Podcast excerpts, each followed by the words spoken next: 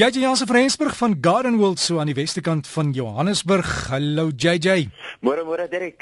JJ vroegoggend het ek gesels oor die rose snoei as jy Kersdag wil blommende rose in die tuin. Jy wil mos baie keer maar die familie beïndruk en die gaste wat kom kuier. Jy sal dan hierdie naweek moet snoei, né?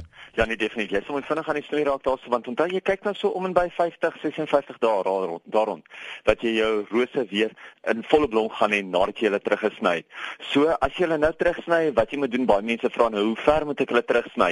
As jou plante nog baie klein is, hoef jy letterlik net omtrent so 2 of 3 duim af te sny. Maar as jou plante baie groot al gegroei het, kan jy hulle maar omtrent so 'n goeie 6 of 10 duim terugsny sodat hulle weer kan uitbos en weer kan groei. Onthou, jy gaan dubbel die hoeveelheid blomme kry as jy hulle teruggesny het. Maar hierdie tyd van die jaar, nou dit lekker warm word, moet 'n mens daai wonde seël.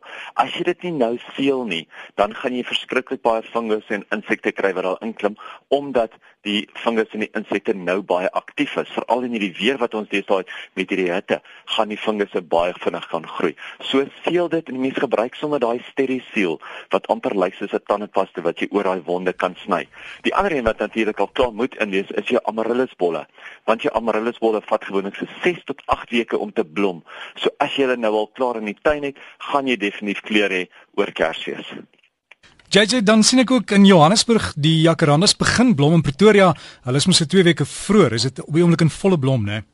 Ja nee, definitief. Nie weet jy die jacarandas is nou ongelukkig een van daai indringerplante wat 'n mens nie meer mag plant nie. Maar as jy in jou tuin het, hoef jy dit nie uit te haal nie. So baie mense bel en sê hoorie, waar kan ek 'n jacaranda kry? Ek wil graag jacaranda in my tuin plant. Nou mens mag nie meer die jacarandas plant nie.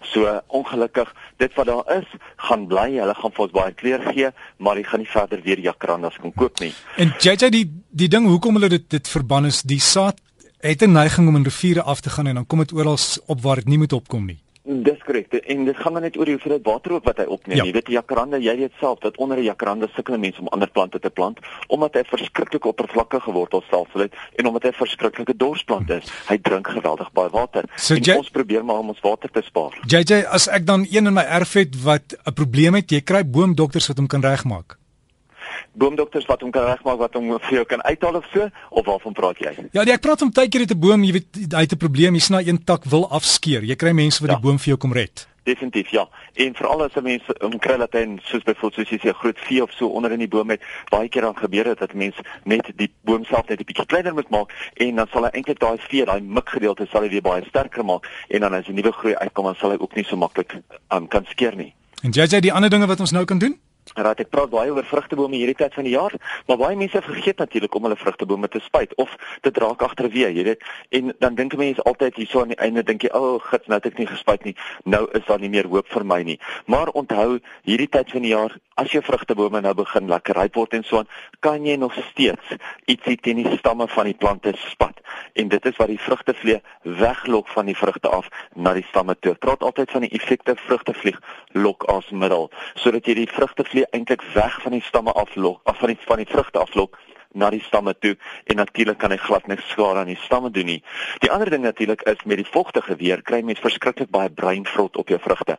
En dit is net letterlik wanneer die vrugte net vir lang periodes nat bly, wanneer die son op hom skyn, wanneer hy warm word, is daar 'n fungus wat ontwikkel en 'n mens kan teen die vrugtevrot kan 'n mens spuit. Gaan gesels met jou kweekry en hoor wat het hulle by hulle. Ek weet jy by ons gebruik ons daai sein byvoorbeeld om dit mee te spuit.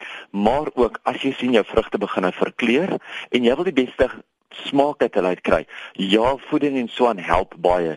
Jou minerale, jou spoorelemente, hulle help baie, maar is nou ook baie belangrik om minder water te gee, want nou wil jy hê dat daai vrugte moenie waterig wees nie. Hulle moet lekker soet word. En dit is wat die son nou aan die vrugte doen soos hy begin ryp word. So gee minder water as jy sien hy begin verkleur.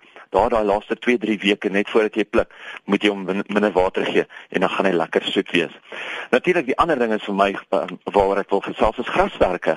Daar's vir my niks lekkerder as om deur 'n tuin te loop waar die gras nou net gesny was en jy kry kry geur van daai vars gesnyde graswerk. Nee, is altyd vir vir my baie lekker. Maar daar's 'n paar reëls natuurlik met gras sny. En een van hulle is 'n mens moet nooit jou gras sny as dit nat is nie. Jy moet altyd wag laat dit 'n bietjie uitdroog, veral jou elmgras.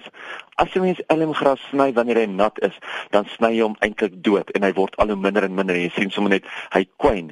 Nou gewone kikoejo grasperk sukkel altyd om vinnig terug te kom nadat jy hom gesny het as jy hom natuurlik gesny het terwyl hy nat was. Ook die van julle wat bietjie jaloers is op 'n buurman of so 'n tuin wat mooi lyk of 'n vriend se tuin wat baie mooi lyk wat 'n baie mooi grasperk het, gaan kyk bietjie die tipe grasnyer wat hy ook gebruik. Baie keer is daar so 'n ongelooflike verskil tussen 'n rollem en 'n swalem grasnyer. Jy weet ons praat altyd van 'n silinder grasnyer.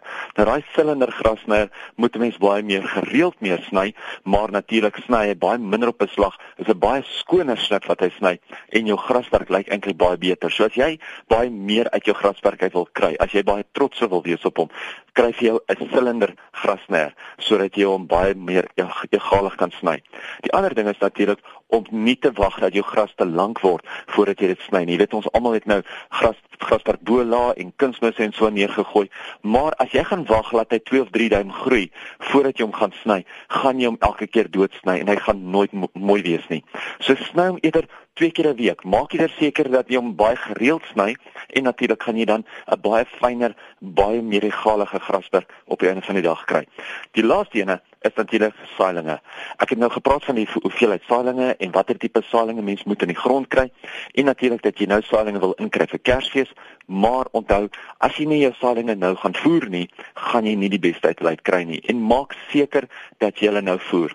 Mense vra altyd wat is die beste? Moet ek 'n oplosbare kunsmis gebruik of plantvoedingsstof gebruik of moet ek 'n korrelkunsmis gebruik? En ek sê altyd, weet jy gebruik beide.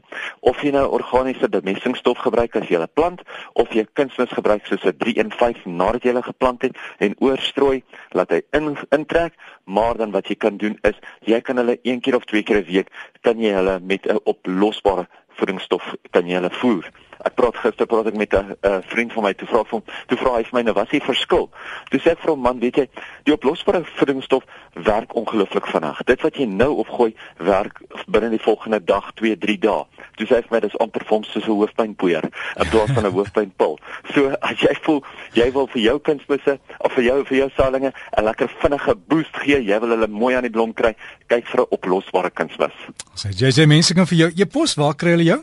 Hulle is welkom om my e-pos te stuur by JJ, dis JJ by gardenworld.co.za. En julle webtuiste is gardenworld.co.za. Dis waar hy daai. Daar sê JJ, daar's die eerste kliënt, sterkte. Mooi bly. Goed gaan. JJ Jansen van Rensburg van Garden World. Sy e-pos is JJ by gardenworld.co.za of gaan loer op hulle webtuiste gardenworld.co.za vir meer inligting.